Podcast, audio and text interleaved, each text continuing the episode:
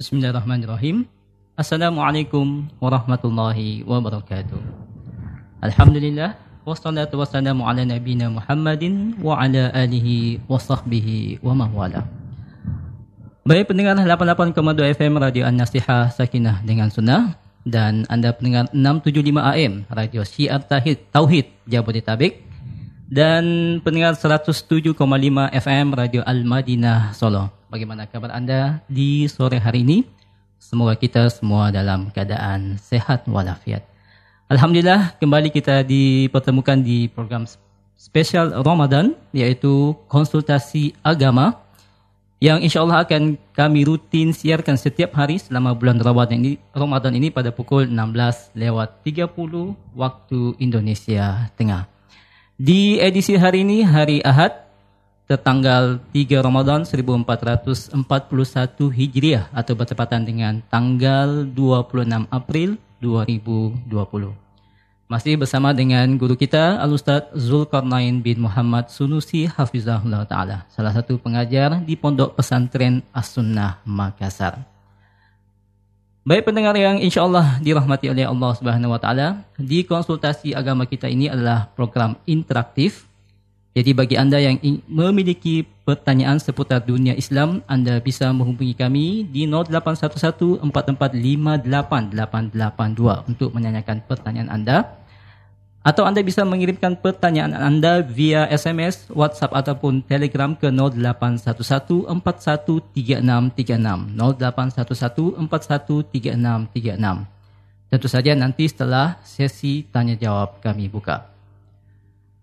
Dan selain mendengarkan lewat 88,4 FM, Anda juga bisa mendengarkan atau melihat Siaran kami ini live di YouTube dan Facebook dengan akun Zulkarnain Muhammad Sunusi dan tentu saja di Radio An-Nasiha. Baik pendengar, waktu sekarang sudah menunjukkan pukul 16.41. Segera kita ikuti konsultasi agama spesial Ramadan dan diawali dengan mendengarkan tausiah dari guru kita Al-Ustaz Zulkarnain Hafizahullah Ta'ala. Baik Ustaz, tafadhal. Bismillahirrahmanirrahim. Alhamdulillahi Rabbil Alamin. Wassalatu wassalamu ala al-mabuthi rahmatan lil alamin. Nabiina Muhammad Wa ala alihi wa sahbihi Wa man tabi'ahum bi ihsanin ila yaumiddin amma ba'd. Kaum muslimin dan muslimat, para pendengar di mana pun anda berada Assalamualaikum warahmatullahi wabarakatuh.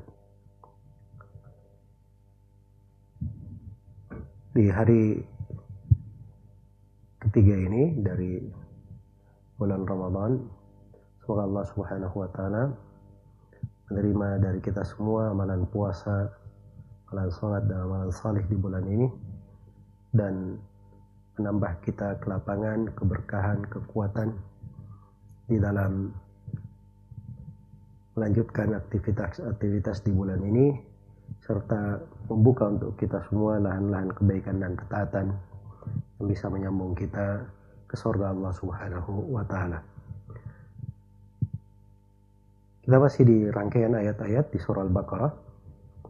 Hari ini saya akan membacakan ayat yang ke 185 dari surah Al-Baqarah. Itu firman Allah Subhanahu wa taala, "A'udzu billahi minasyaitonir rajim.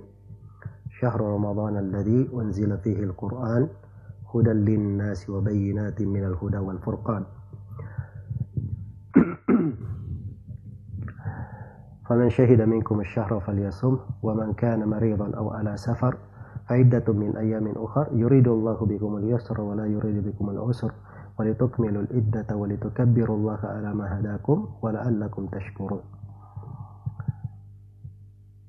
bulan Ramadan ini masih uh, terkait dengan penjelasan puasa yang diwajibkan ayaman ma'dudat hari-hari sedikit dia itu adalah bulan Ramadan. Dia adalah bulan Ramadan. Jadi penyebutan khusus dengan nama bulan Ramadan di Al-Quranul Karim ini menunjukkan keutamaan bulan ini dan keagungannya. Dan ayat ini di posisi penjelasan tentang keagungan bulan Ramadan dan hukum-hukum yang terkait dengan puasa. Syahrul Ramadana alladhi unzila fihi al-Quran. Bulan Ramadan yang diturunkan di dalamnya Al-Quran. Jadi dari keistimewaan bulan ini, kekhususannya, di bulan Ramadan lah Al-Quran itu diturunkan firman Allah yang agung ini diturunkan di bulan Ramadan. Sebagaimana di ayat yang lain inna anzalnahu fi lailatul qadar. Sungguhnya kami menurunkannya di malam Lailatul Qadar. Di tempat yang lain inna anzalnahu fi lailatin mubarakah. Sungguhnya kami menurunkannya di malam yang penuh dengan berkah. Ini semuanya di bulan Ramadan tempat diturunkannya Al-Quran. Dan di sini disebutkan Syahrul Ramadan, bulan Ramadan. Boleh disebut Ramadan dan boleh disebut bulan Ramadan. Boleh disebut Ramadan dan boleh disebut Syahrul Ramadan.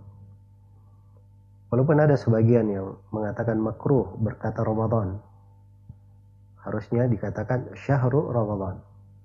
Tapi ini pendapat lemah karena dibangun di atas hadith yang lemah.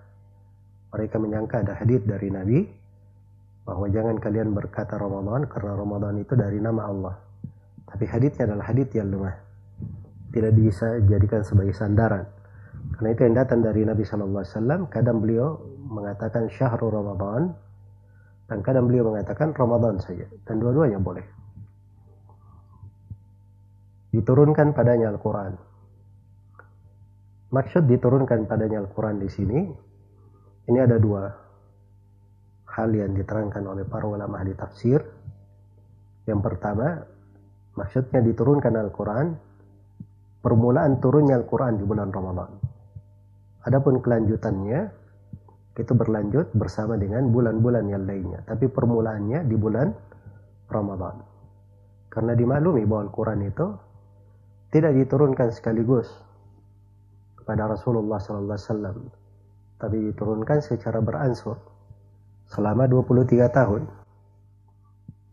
karena itu dikatakan dalam Al-Quran laula nuzzila alaihi al-Qur'anu jumlatan wahida kadzalika linuthabbita bihi fuadak wa rattalnahu tartila wa la ya'tunaka bimathalin illa ji'naka bil haqqi wa ahsana tafsira dan berkata orang-orang kafir Andai kata Al-Quran ini diturunkan kepada Nabi Muhammad sekaligus.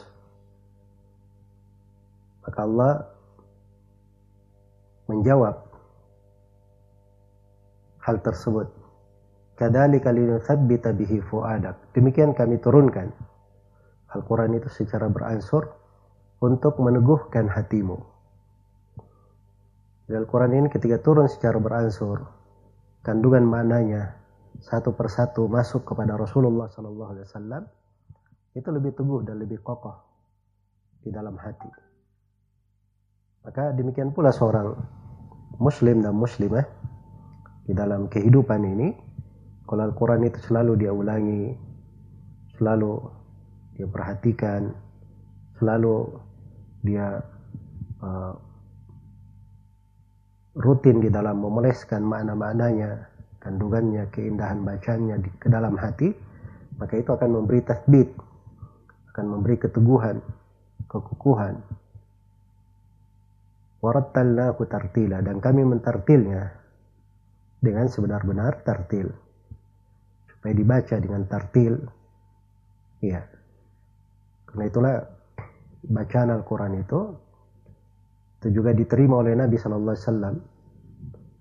Langsung dari mulut Jibril. Dan Nabi juga membaca Al-Quran itu didengarkan dan disimak oleh Jibril. Sebagaimana para sahabat mengambilnya dari mulut Rasulullah SAW secara langsung. Dan Nabi mendengarkan bacaan-bacaan para sahabat satu persatu terhadap Al-Quran. Iya. Itu dari hikmah-hikmahnya.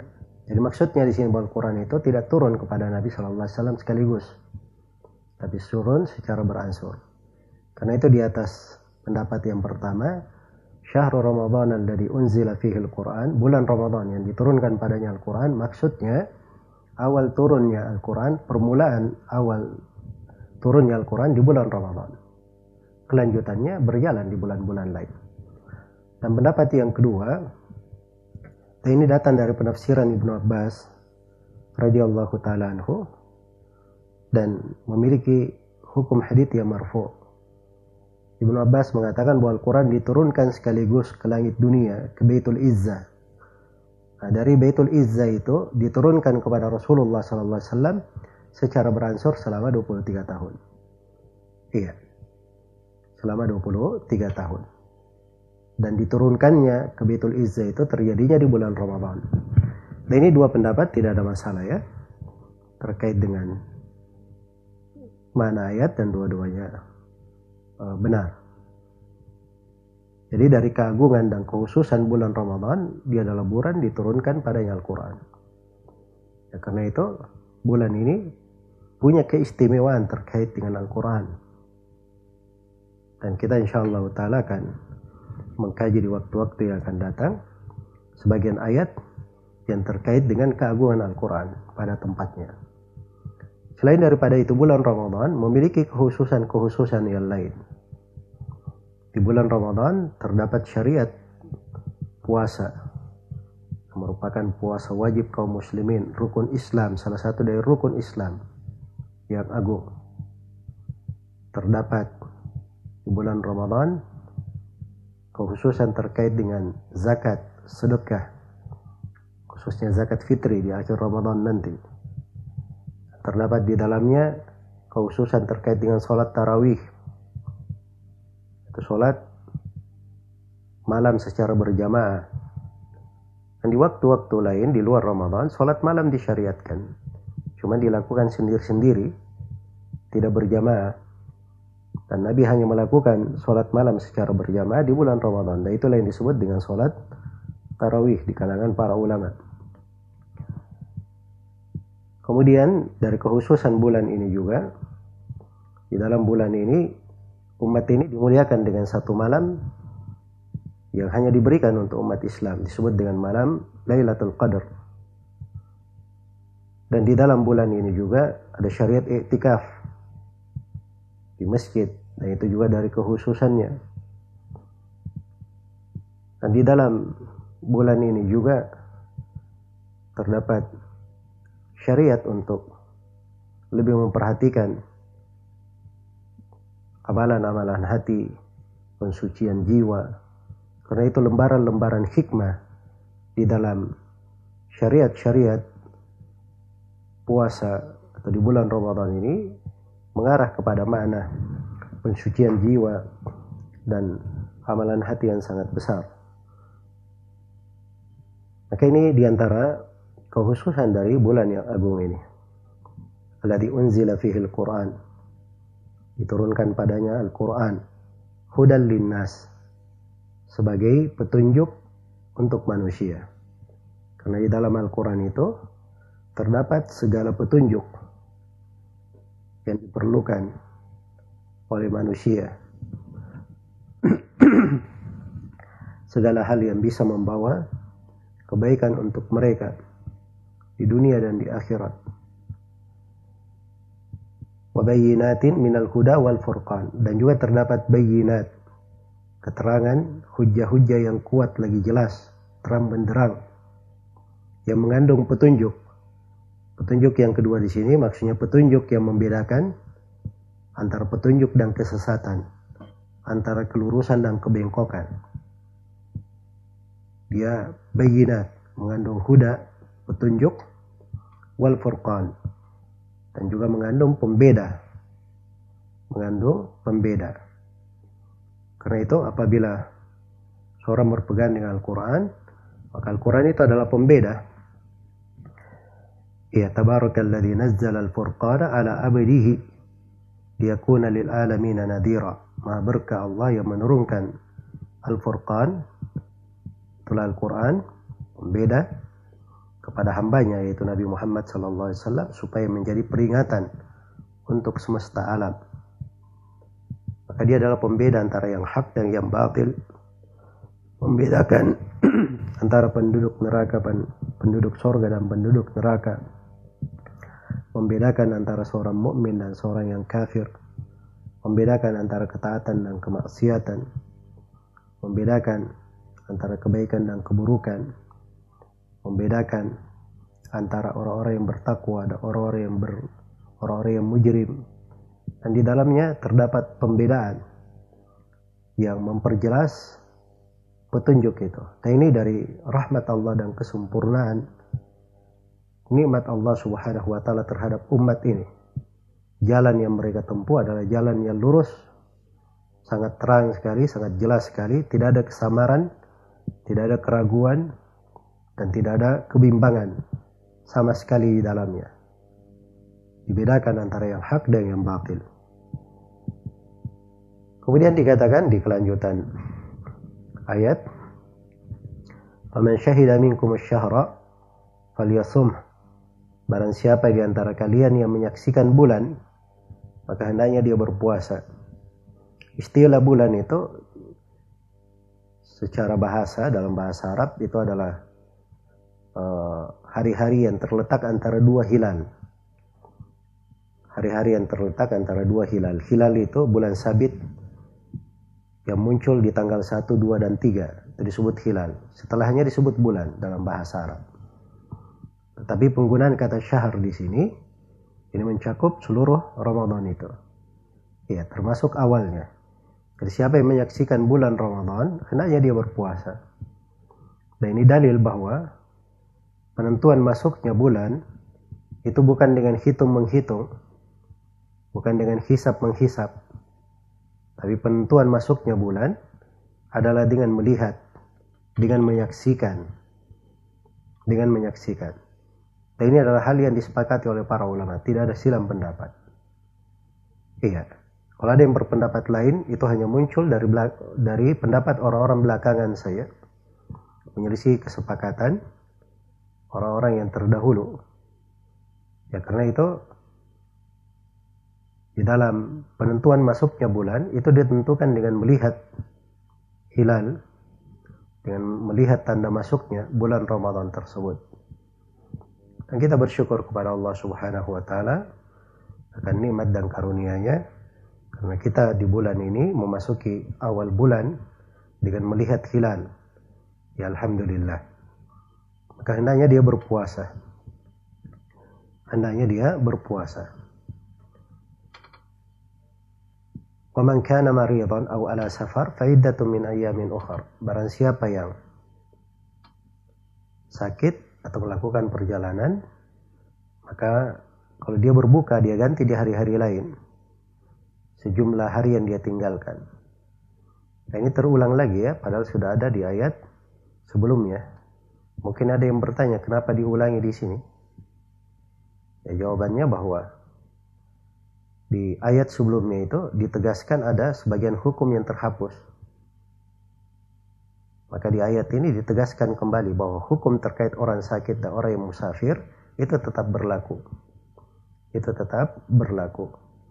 Kalau mereka sedang sakit atau melakukan perjalanan lalu perlu untuk berbuka, maka dia boleh berbuka. Tapi kalau dia berbuka, dia wajib mengkodoknya, menggantinya di hari-hari lain di luar Ramadan sejumlah hari yang dia tinggalkan. Kemudian Allah Subhanahu wa taala terangkan hikmahnya. Yuridu Allahu bikumul yusra wa la yuridu bikumul usra. Ini salah satu simbol pokok di dalam agama. Ciri syariat ini. Identitas dan karakter karakteristik dalam agama kita. Yuridullahu bikumul yusra. Allah menghendaki kemudahan untuk kalian Wala yuridu bikumul usur. Dan Allah tidak menghendaki kesusahan untuk kalian. Itulah agama kita. Agama ini semuanya kemudahan di dalamnya. Iya. Dan itu banyak ditegaskan di ayat-ayat Al-Quran. Dan di Sahih Al-Bukhari Rasulullah SAW bersabda Inna dina yusrun Wala yushadda dina ahadun illa ghalabah Sungguhnya agama ini muda dan tidak seorang pun ekstrim dalam beragama kecuali dia akan terkalahkan. Tapi kemudahan itu adalah dengan apa yang digariskan di dalam agama. Ukuran kemudahan itu sesuai dengan tuntunan Al-Quran dan Sunnah, ya di atas as-sirat al-mustaqim, dan bukan dengan hawa nafsu. Nah, itu yang dimaksud dengan kemudahan. Iya. Karena itu syariat ini kalau dijalankan, hakikatnya dia sudah kemudahan. Makanya jangan ada yang memudah-mudahkan. Oh saya ini apa namanya agama ini penuh dengan kemudahan. Kita ringkas aja dah. Sholat uh, duhur empat rakaat terlalu berat. Kita ringkas saja jadi dua rakaat. Nah, itu hawa nafsu namanya. Pada empat rakaat itu itu sudah kemudahan, rahmat dan kebaikan untuk hamba. Coba bayangkan tadinya kewajiban sholat umat Islam 50. Ya, dimudahkan, diringankan menjadi lima waktu. Yang lima waktu ini senilai dengan 50 waktu itu tadi. Senilai dengan 50 waktu itu tadi. Nah, ini salah satu dari kemudahan yang diberikan oleh untuk umat ini. Di malam Lailatul Qadar seperti seribu bulan. Seribu bulan itu 83 tahun tambah 4 bulan. Nah ini subhanallah. Suatu hal yang merupakan keagungan dan kebaikan di tengah umat Islam ini. Jadi Allah menghendaki untuk kalian kemudahan. Tidak menghendaki untuk kalian kesusahan. Walitukmilul iddah. Dan supaya kalian melengkapi jumlah bulan. Nah, ini penegasan ya bahwa siapa yang menyaksikan Ramadan dia harus menyelesaikan jumlah bulannya. Jadi kalau misalnya ada yang uh, tidak berpuasa maka wajib dia sempurnakan di waktu lain. Wajib dia sempurnakan di waktu lainnya. Walitukabbirullaha ala ma hadakum. Dan supaya kalian bertakbir kepada Allah Subhanahu wa taala terhadap hidayah yang diberikan. Ini terkait dengan selesai ya bulan. Ya, karena itu ini ayat dipakai dalil oleh para ulama tentang syariat bertakbir di malam Idul Fitri. Ya dan sebagian ulama ada yang mengatakan bahwa syariatnya itu adalah ketika manusia keluar setelah sholat subuh menuju ke lapangan. Iya. Wala'allakum tashkurun dan supaya kalian itu bersyukur kepada Allah. Nah, ini salah satu hikmah di dalam puasa. Agar supaya kita lebih pandai bersyukur kepada Allah menjadi hamba-hamba yang bersyukur. Karena itu segala karunia dan nikmat yang diberikan kepada kita hendaknya kita syukuri. Di kondisi apa pun kita sekarang ini hendaknya kita bersyukur. Karena itu Nabi Shallallahu Alaihi Wasallam kalau beliau mendapatkan hal yang menyenangkannya, beliau membaca Alhamdulillahilladzi binikmatihi tatimmus salihat. Segala puji hanya untuk Allah dan dengan nikmatnya segala perkara yang salih menjadi sempurna.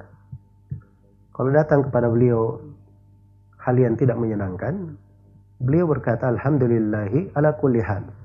Segala puji hanya untuk Allah di segala keadaan. Maka kita memuji Allah bersyukur kepadanya pada segala keadaan.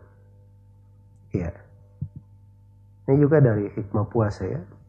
Mungkin di hari-hari biasa kita hanya mengenal makan, minum. Begitu lapar, langsung makan. Begitu haus, langsung minum. Apa yang kita perlukan lengkap. Sehari semalam. Iya. Begitu kita berpuasa dari terbitnya fajar subuh hingga terbenamnya matahari, kita merasakan lapar dan dahaga. Mungkin setelah itu kita bisa berpikir, rupanya seperti ini mungkin kondisi dan keadaan yang dialami oleh sebagian saudara-saudara kita yang kelaparan.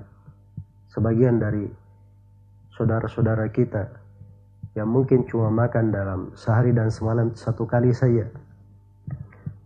Atau apalagi dia ingat sebagian dari saudara-saudara kita di berbagai belahan dunia ini yang terusir dari negerinya, berada di kem-kem pengungsian. Maka ini menyebabkan seorang itu memiliki sikap rahmat di dalam dirinya. Lebih mensyukuri nikmat Allah subhanahu wa ta'ala dan karunia yang Allah berikan kepadanya. Maka ini latihan untuk kita semua supaya kita bersyukur. Karena syukur itu penting di dalam hidup. Kesyukuran inilah yang merupakan keselamatan kita di akhirat. Kesyukuran ini yang menyebabkan nikmat itu ditambah. Dan kesyukuran ini yang menyebabkan musibah dan malapetaka diangkat. Karena itu dalam Al-Quran Allah subhanahu wa ta'ala berfirman Ma yaf'alu Allahu bi'adabikum in syakartum wa amantum wa kana Allahu syakiran aliman. Allah tidak perlu menyiksa kalian sepanjang kalian itu bersyukur dan beriman. Adalah Allah Subhanahu wa taala Maha menerima syukur hamba dan Allah Subhanahu wa taala Maha mengetahui siapa yang bersyukur di tengah mereka. Iya. Baik. Maka semoga Allah Subhanahu wa taala memberkahi untuk kita semua bulan Ramadan ini dan menjadikannya sebagai hal yang paling baik untuk kita semua di sisi Allah Subhanahu wa taala. Dan semoga Allah Subhanahu wa taala mengampuni segala dosa dan kesalahan memudahkan kita di dalam ketaatan. Dan semoga Allah Subhanahu wa taala selalu merahmati kita semua mengangkat segala musibah, wabah ataupun hal yang membahayakan kita agar supaya diangkat sesegera mungkin dan diberi afiat, kesehatan dan keselamatan untuk semuanya. Innahu waliyu dzalik wal qadiru alaih wallahu taala alam. Baik, Alhamdulillah pendengar, demikian tadi telah kita dengarkan tausiah ringkas dari Al-Ustaz Zulkarnain Hafizahullah Ta'ala di edisi konsultasi agama spesial Ramadan kita pada hari ini. Baik, selanjutnya kita akan masuk ke sesi tanya jawab interaktif. Silahkan Anda pendengar yang memiliki pertanyaan, Anda bisa menghubungi kami di 0811445882 atau Anda bisa mengirimkan pertanyaan Anda via SMS, WhatsApp atau, ataupun Telegram di 0811413636. Baik, Tafadol Ustaz dijawab beberapa pertanyaan yang sudah masuk ke redaksi.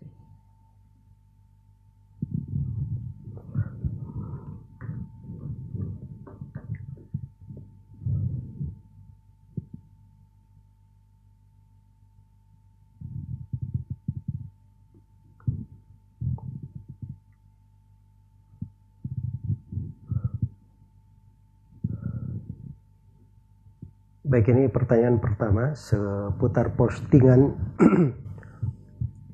nama yang disebarkan berlindung ke masjid. Disebutkan beberapa riwayat di sini dari Anas bin Malik katanya bahwa Rasulullah SAW bersabda ada beberapa teks riwayat dan di antara teks riwayatnya tidak aradallahu biqaumin ahah nadara ila ahli masajid fasarafa anhum. Apabila Allah menghendaki penyakit pada satu kaum maka Allah melihat kepada ahli masjid lalu menjauhkan penyakit itu dari mereka. Di teks yang lain inna Allah ta'ala idza anzala ahatan minas sama ala ahli al-ard surifat an ummaril masajid. Sungguhnya Allah apabila Allah ta'ala menurunkan penyakit dari langit kepada penduduk bumi maka Allah memalingkan penyakit itu dari orang-orang yang memakmurkan masjid ya. Dan seterusnya dari beberapa apa namanya riwayat di sini. Dan ini semuanya perlu saya ingatkan terkait dengan bulan yang agung ini. Bulan kita berpegang dengan Al-Quran dan Sunnah Rasulullah. Ya terdidik untuk jujur. Jangan menyebarkan hadit-hadit yang tidak ada asal usulnya dari Nabi atau hadit-hadit yang jelas kepalsuannya atau kelemahannya, kemungkarannya dari sudut ilmu periwayatan. Ini adalah hal yang berat ya, apalagi di bulan seperti ini. Karena Nabi Shallallahu Alaihi Wasallam bersabda, "Man kadaba alayya muta'ammidan, falyatabawwa maq'adahu minan nar." Siapa yang berdusta atas namaku dengan sengaja, maka hendaknya disiapkan tempat duduknya dari api neraka di Muqaddimah Sahih Muslim dari hadits Abu Hurairah dan datang riwayat dari luar Sahih Muslim yang mendukungnya. Rasulullah SAW bersabda, "Kafa bil mar'i kadiban ayu haditha bi kulli ma Cukuplah seorang itu dianggap berdusta kalau setiap kali yang dia dengarkan dia sampaikan. Jadi harus diperiksa yang didengarkan itu, apalagi itu sabda Nabi. Harus dipastikan bahwa itu dari ucapan Rasulullah Sallallahu. Ini orang-orang yang menyebarkan ini sudah tahu bahwa riwayat-riwayat ini itu disebutkan dari uh, riwayat Ibnu Adi dalam kitab Al-Kamil dan riwayat Ibnu Asakir di dalam tarikhnya. Nah ini dua ulama menulis buku mereka itu bukan buku terkait dengan hadith-hadith sahih. Ibnu Adi misalnya itu khusus untuk rawi-rawi yang lemah, riwayat-riwayat yang mungkar dan sebagainya. Ya, Ibnu Asakir juga dia memang banyak mengumpulkan riwayat-riwayat yang aneh, bahkan sudah menjadi kaidah di tengah para ulama ahli hadith. Ada sebagian buku yang penulisnya kalau bersendirian dalam menyampaikan riwayat tidak perlu, perlu diperiksa sanatnya. Itu pasti lemah. Seperti kalau disebut riwayat Ibnu Adi misalnya itu pasti lemah. Kalau disebut riwayat Ibnu Asakir sendiri tidak ada yang lainnya yang meriwayatkan. Itu juga pasti lemah demikian pula Al-Khatib Al-Baghdadi di dalam tarikhnya. Demikian pula uh, Al-Ukaili di dalam Ad-Du'afa. Demikian pula uh, Al-Hakim At-Tirmidzi di dalam Nawadirul Usul. Ad-Dailami dalam Musnadul Firdaus. Iya. Tadi menambah Al-Hakim di dalam Tarikh Nisabur. Itu yang disebut oleh sebagian ulama dalam uh, dua bait syair. Wa ma numi li'at wa uq wa khat wakir wa musnadil firdausi da'fuhu syuhir. Apa yang disandarkan riwayatnya kepada Ad yaitu Ibnu Adi kemudian Uk yaitu Ukaili di dalam Tuafa, kemudian Khat yaitu Al-Khatib Al-Baghdadi dalam tarikhnya dan Kir yaitu Ibnu Asakir. Dan kepada Musnad Firdaus karya uh, Ad-Dailami maka itu kelemahannya adalah syuhir terkenal. Kada nawadir usuli wazidi demikian pula di dalam kitab nawadir usul. Itu karya Al-Hakim At-Tirmidzi dan tambah at-tarikh lil hakimi wal, wal tajtahidi. Tambah lagi tarikh al-hakim dan hendaknya kamu bersungguh-sungguh. Baik jadi itu uh, hal yang dikenal di kalangan para ulama ahli hadis itu sudut yang pertama. Kemudian sudut yang kedua yang perlu saya ingatkan bahwa kandungan dari hadit-hadit ini itu menyelisihi hadit-hadit yang lain. Dari Nabi Shallallahu Alaihi Wasallam. Ya terkait dengan orang-orang yang sakit dilarang ke masjid orang-orang yang punya udur. Bahkan ada sebagian orang dilarang oleh Nabi Shallallahu Alaihi Wasallam datang ke masjid. Kalau dia makan bawang misalnya demikian pula pada saat perang khandak itu semuanya berada membuat parit tidak ada yang tinggal di masjid ya tidak dikatakan oh enggak ini semuanya pergi ke masjid ini adalah hal yang tidak benar jadi jangan memakai hadit-hadit yang seperti ini untuk kondisi wabah yang seperti ini. Kondisi wabah yang seperti ini itu udur bagi seorang dia tidak berada di masjid. Dan yang paling penting itu harus dicermati.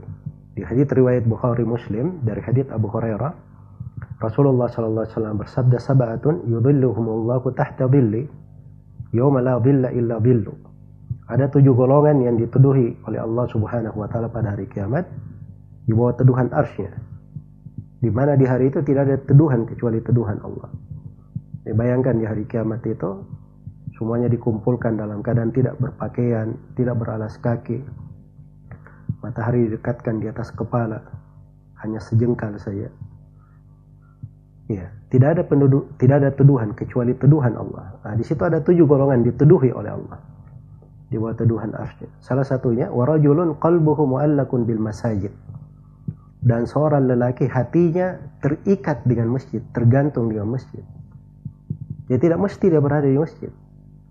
Hati dia tergantung dengan masjid. Dan ini juga didapatkan oleh seorang perempuan. Kalau dia senang dengan masjid, ya senang dengan keberadaan pelajaran-pelajaran di masjid, ilmu yang berada di masjid, maka itu masuk di dalam golongan ini.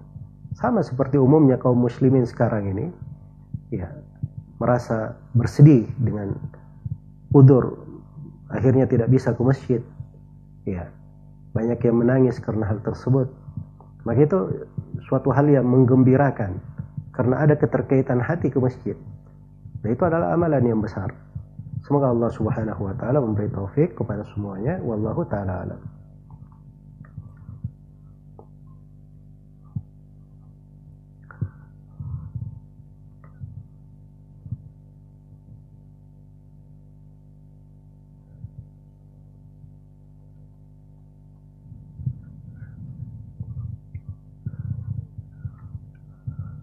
Baik ini ada yang bertanya, ayah saya mengidap penyakit diabetes dan ginjal yang harus melakukan cuci darah seminggu dua kali. Apakah cuci darah membatalkan puasa? Apakah ayah saya tidak sanggup melaksanakan puasa di bulan Ramadan harus menggantinya di hari lain? Bolehkah menggantinya dengan membayar fidyah? Uh, pertama yang perlu diketahui bahwa mencuci darah itu itu tidak lepas dari bentuk memasukkan darah baru dan tidak lepas dari zat-zat yang di dalam zat-zat tersebut ada mengandung makna makan dan minum. Iya. Jadi bisa dipastikan bahwa hal tersebut adalah hal yang membatalkan puasa. Karena itulah kalau dia bisa melakukan cuci darah ini di waktu malam, itu yang lebih baiknya agar supaya tidak mengganggu puasanya. Tapi kalau tidak bisa, maka ini dihukum orang yang sakit. Orang yang sakit tidak ada masalah dia berobat. Dia berbuka karena dia sakit. Tapi orang yang sakit, kewajibannya sepanjang dia masih mampu berpuasa, maka dia menggantinya di hari-hari lain. Dia mengkodoknya di hari-hari lain. Ya, Alhamdulillah dalam sepekan dua kali, berarti masih ada lima hari berpuasa. Dan lima hari ini masih bisa dia lakukan di waktu-waktu lainnya.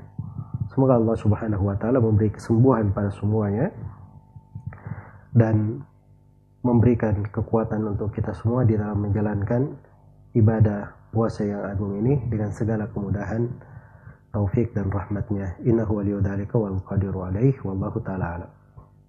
Afwan bisa kita angkat penelpon? Baik silakan. Assalamualaikum. Waalaikumsalam warahmatullahi wabarakatuh.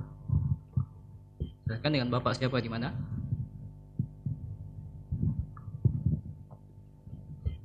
Ya, silakan Bapak Syahrul.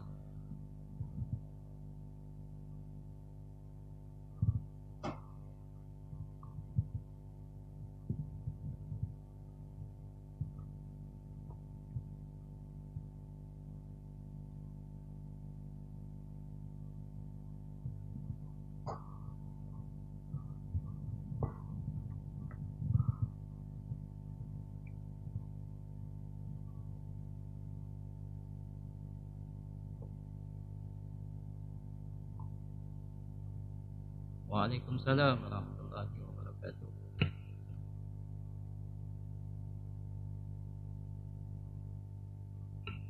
Bagaimana, Ustaz?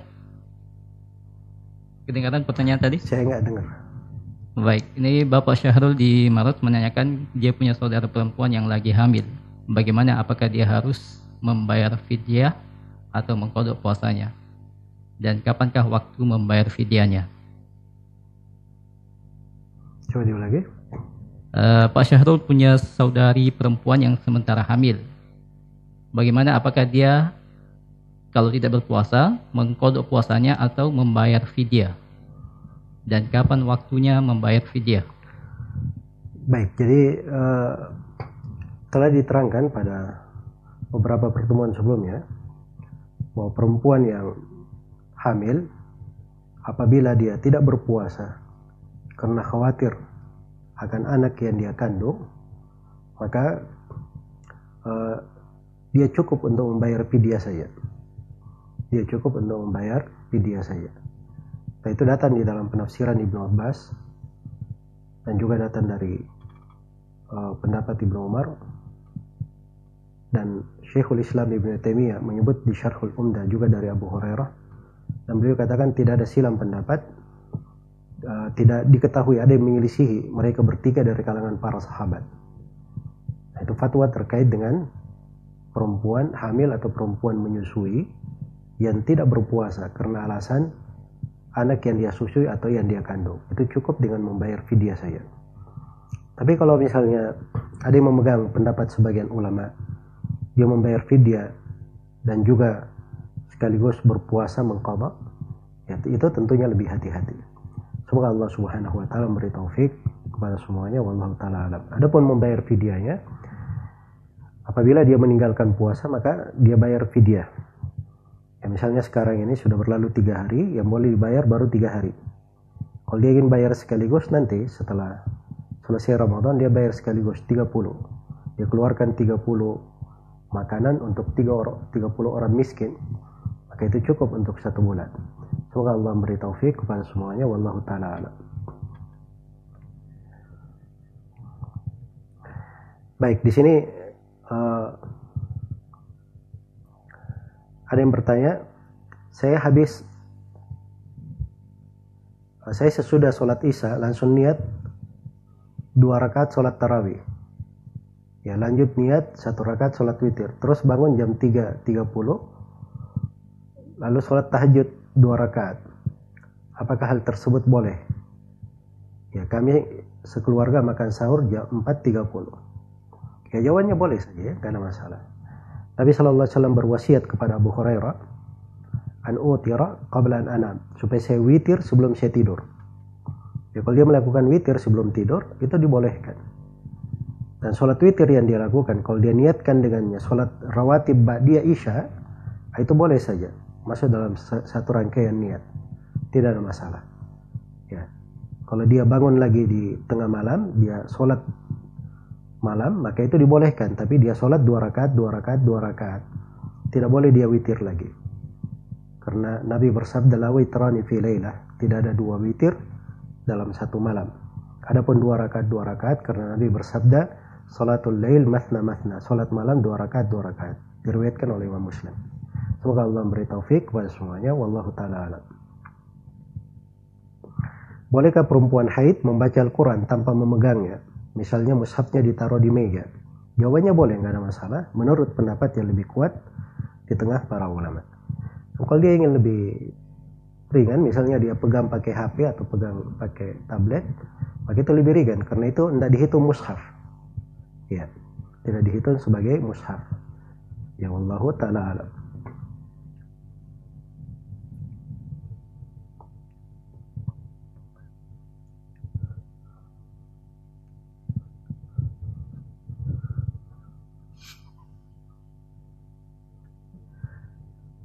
Istri saya baru keluar dari rumah sakit dan dokter melarang untuk puasa. Apakah istri saya wajib zakat fitri Baik kalau zakat fitri wajib ya. Zakat fitri itu siapa yang hadir di bulan Ramadan, dia hadir matahari terbit di bulan Ramadan, dia wajib untuk zakat fitri. Karena itu kalau ada anak bayi yang lahir sebelum matahari terbenam di akhir Ramadan, maka dia wajib zakat fitri. Kalau dia lahir sebelum matahari terbenam. Ya, karena ini terkait dengan masalah mendapatkan Ramadan, bukan masalah dia puasa atau dia tidak puasa. Semoga Allah memberi taufik kepada semuanya. Wallahu ta'ala alam.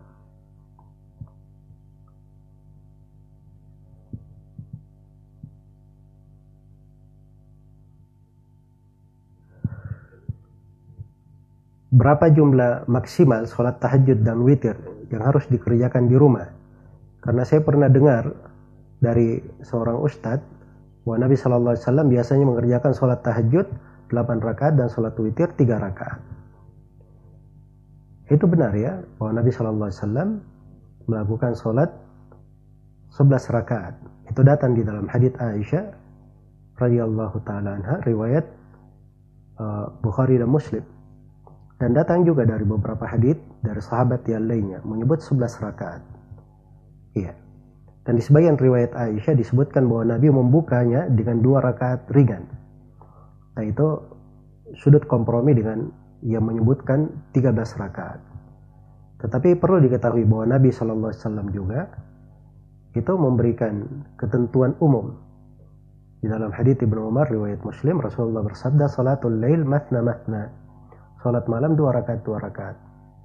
Karena itu dinukil kesepakatan oleh Ibnu Daqiq Syekhul Islam Ibnu Taimiyah dan selainnya bahwa salat malam itu tidak ada batasannya.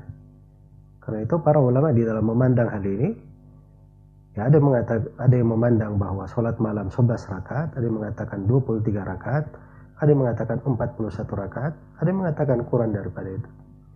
Ya, dan itu semuanya dibangun di atas mereka memandang bahwa sholat malam itu itu tidak terbatas dengan jumlah tertentu. Semoga Allah Subhanahu wa taala memberi taufik kepada semuanya wallahu taala alam.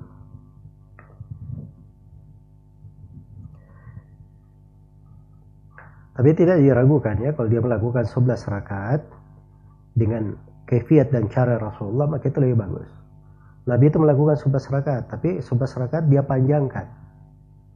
Dia panjangkan bacaan. Nah, kalau dia lakukan hal itu itu lebih bagus, lebih afdal.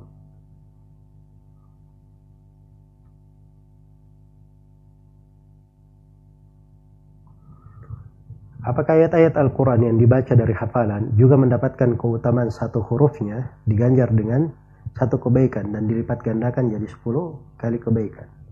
Ya itu sama ya. Kan haditsnya memang seperti itu. Man harfan minal Qur'ani falahu asyru hasanat. Siapa yang membaca satu huruf dari Al-Quran, dia mendapatkan sepuluh kebaikan. Itu di hadits riwayat At-Tirmidzi mauquf dari Ibnu Mas'ud tapi memiliki hukum marfu'. Ya, itu kabar gembira bagi siapa yang membaca. Dia baca dengan melihat, dia baca dengan menghafal. Ya, satu huruf yang dia baca, maka itu dihitung satu, dihitung sepuluh kebaikan.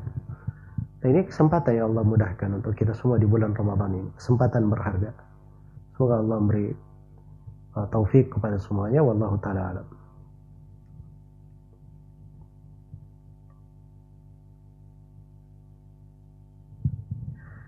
Bagaimana dengan polemik dalam merenggangkan saf di dalam sholat berjamaah, di mana ditunjukkan adanya gambar orang sholat berjamaah di Masjidil Haram dengan posisi saf direnggangkan. Yang pertama seorang itu di dalam beragama, jangan dia melihat orang berbuat begini, orang berbuat begitu. Tanya kepada mereka dalilnya apa. Iya. Itu sudut yang pertama. Kemudian sudut yang kedua, sudut yang kedua, merenggangkan kalau dia bentuknya sedikit tidak begitu banyak itu nggak ada masalah. Ya tapi kalau dia merenggangkan sehingga kayak membuat soft tersendiri ah, itu yang menjadi masalah. Jadi renggangkan satu meter misalnya seakan-akan bikin soft sendiri ah, ini menjadi masalah. Karena Nabi Shallallahu Alaihi Wasallam bersabda la salat khalfas safi munfaridan. Tidak ada sholat di belakang soft sendirian. Nah, itu menunjukkan batalnya sholat tapi kalau renggang, dia tidak terlalu jauh jaraknya, maka itu tidak dipermasalahkan. Ini dalam satu soft. Kalau misalnya antara sebuah soft dengan soft yang di belakangnya agak direnggangkan misalnya sejarak satu meter, itu juga tidak masalah. Sebab ini kerenggangan terkait antara sebuah soft dengan soft setelahnya. Iya. Dan di situ pada batasan memang tidak melihat apa mengikuti di dalam sholat berjamaah itu yang diukur adalah melihatnya dianggap kebersamaan. Adapun merapat dan saling dekat itu adalah kadar yang paling utamanya, yang paling afdalnya. Ya. Semoga Allah Subhanahu wa taala memberi taufik kepada semuanya wallahu taala alam.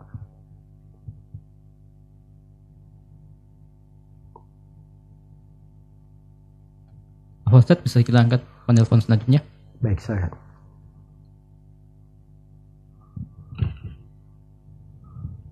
Assalamualaikum. Assalamualaikum warahmatullahi wabarakatuh. Dengan siapa di mana? Baik, dengan Bapak Anwar di Maros. Silakan.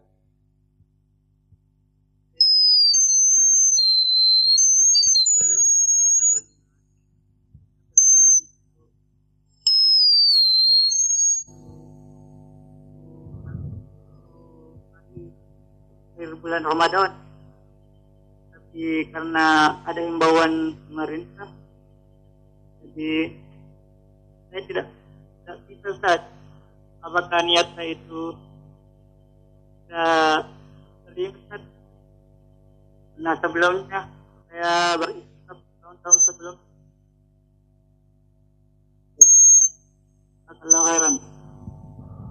Baik, terima kasih Bapak Anwar di Maros.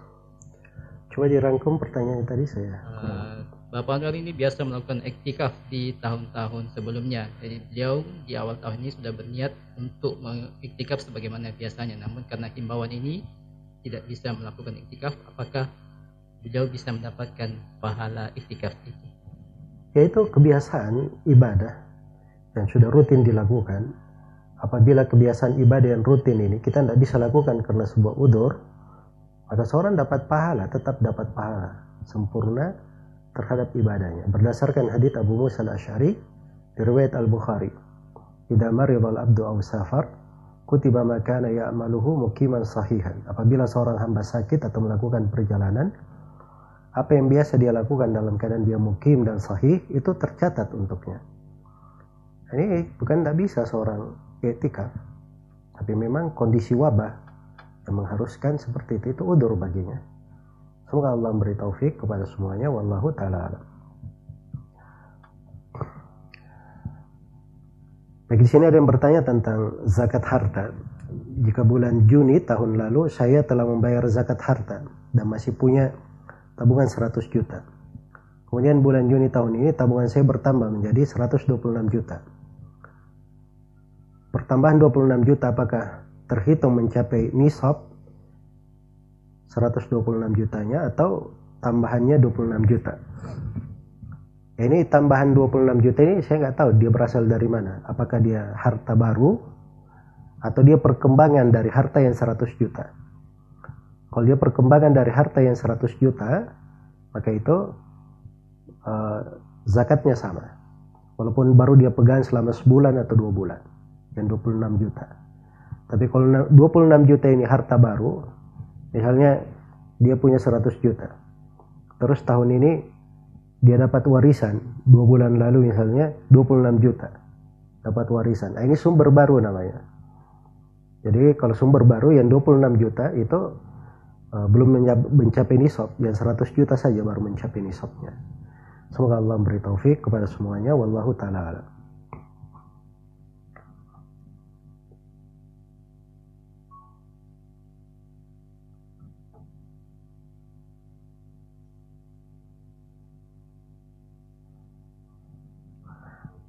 Ketika perempuan mengerjakan sholat fardu berjamaah, apakah disyariatkan juga untuk iqamah?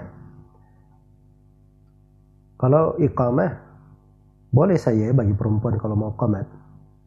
Ya, dan itu datang di pendapat sebagian ulama. Cuman uh, mayoritas ulama mengatakan bahwa tidak ada adan dan qamat untuk perempuan.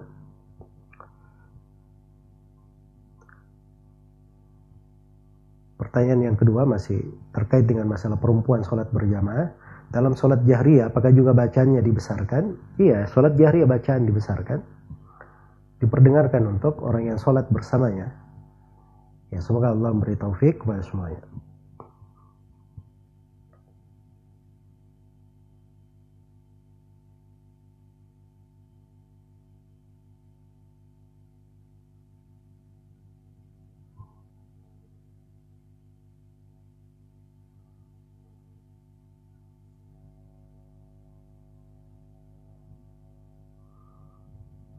Bagi ada yang bertanya terkait dengan masalah uh, bercumbu dengan istri atau bermesrahan sehingga timbul syahwat. Apakah itu membatalkan puasa? Jawabannya kalau membatalkan puasa, yang membatalkan puasa itu hubungan suami istri. Hubungan suami istri apabila terjadi jima, hubungan suami istri, maka itu batal puasa. Tapi kalau tidak terjadi hal tersebut, itu masuk di dalam hukum makruh. Itu masuk di dalam hukum makruh. Semoga Allah Subhanahu wa taala uh, memberikan kepada kita semua kesempurnaan di dalam ibadah sehingga meninggalkan hal-hal yang makruh dan hal-hal yang apalagi hal-hal yang diharamkan. Wallahu taala alam.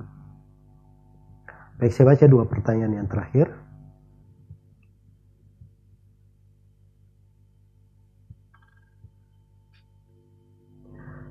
Sekitar 8 tahun yang lalu saya melakukan dosa dengan berhubungan dengan istri di siang hari bulan Ramadan. Lalu saya baru tahu hukumnya baru-baru ini. Apakah saya tetap membayar kafara? Jika iya, apakah kafara itu terhitung untuk saya dan istri? Jawabannya iya. Pada apa yang sudah terjadi, ketika seorang misalnya jatuh di dalam pelanggaran seperti itu, itu tidak bisa dia beralasan, saya nggak tahu. Itu tetap terhitung hukum, terhadapnya. Maka dia membayar kafar untuk si penanya. Terkait dengan istrinya, apabila si istri melakukan uh, riba akan hal tersebut, ya dia ter, ter, melakukannya bersama suaminya, maka dia juga membayar kafar. Tapi kalau dia dipaksa misalnya, dia tidak mau tapi dipaksa, maka itu lain lagi hukumnya. Orang yang terpaksa itu tidak ada kafar terhadapnya. Semoga Allah memberi taufik kepada semuanya. Wallahu taala alam.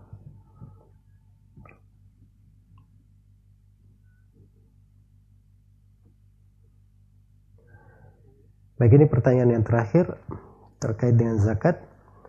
Apakah setiap kita panen, misalnya panen padi, harus dikeluarkan zakatnya dan berapa besarannya? Serta bagaimana cara perhitungan zakatnya? Ya memang zakat hasil bumi itu dikeluarkan setiap kali panen. Setiap kali panen. Karena dalam Al-Quran Allah firman, wa tuhaqqahu yawma hasadi. Keluarkan haknya ketika dipanen. Iya. Dan cara menghitungnya cara menghitungnya itu dihitung uh, dengan beras yang dengan hasil dengan padi yang dia dapatkan. Karena zakat hasil bumi itu ada lima ausuk. Ya lima ausuk itu sekitar 300 sa satu lima ausuk satu wasaknya itu sekitar 300 sa ya dan persaknya itu sekitar 2 kilo 2,1 kilo. Ya maka dihitung saja. Kalau dia mencapai ke kadar itu maka dikeluarkan zakatnya. Berapa jumlah yang dia keluarkan? Tergantung. Kalau sawahnya dapat aliran air gratis maka yang dikeluarkan adalah sepersepuluh. Dia keluarkan uh, dia keluarkan 10 persen. Dia keluarkan 10 persen. Tapi kalau dia mengaliri sawahnya dengan membayar dengan biaya, maka dia keluarkan 5%.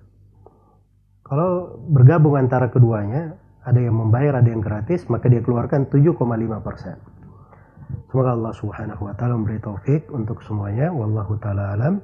Wa sallallahu wasallam ala nabiyina Muhammad wa ala alihi wa sahbihi wasallam. Walhamdulillahi rabbil alamin.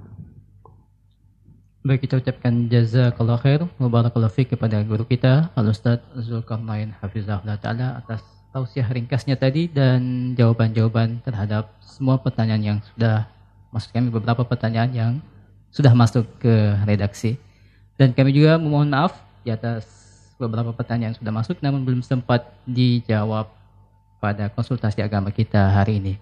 Silakan Anda bisa mengirim ulang pertanyaan Anda besok di konsultasi agama kita di hari Senin insyaallah taala. Baik pendengar 88,2 FM Radio Anasiha Sakinah dengan Sunnah. Bagi Anda yang mungkin terlewatkan dari mendengarkan konsultasi agama kita pada sore hari ini, Anda bisa mendengarkan siaran ulang insyaallah besok di pukul 3 lewat 30 menit dini hari waktu Indonesia Tengah. Jadi insya Allah konsultasi agama kita pada sore hari ini akan kami putar ulang di hari besoknya di pukul 3 lewat 30 menit dini hari waktu Indonesia Tengah. Dan kami informasikan juga untuk waktu sholat maghrib atau waktu berbuka puasa bagi wilayah Makassar dan sekitarnya ialah pada pukul 6 lewat 2 menit. Pukul 6 lewat 2 menit waktu Indonesia Tengah. Baik, demikianlah konsultasi agama kita pada hari ini. Kami mohon maaf atas segala kekurangan. Subhanakallahumma wa bihamdik. Ashhadu an la ilaha illa anta astaghfiruka wa atubu ilaik. Wassalamualaikum warahmatullahi wabarakatuh.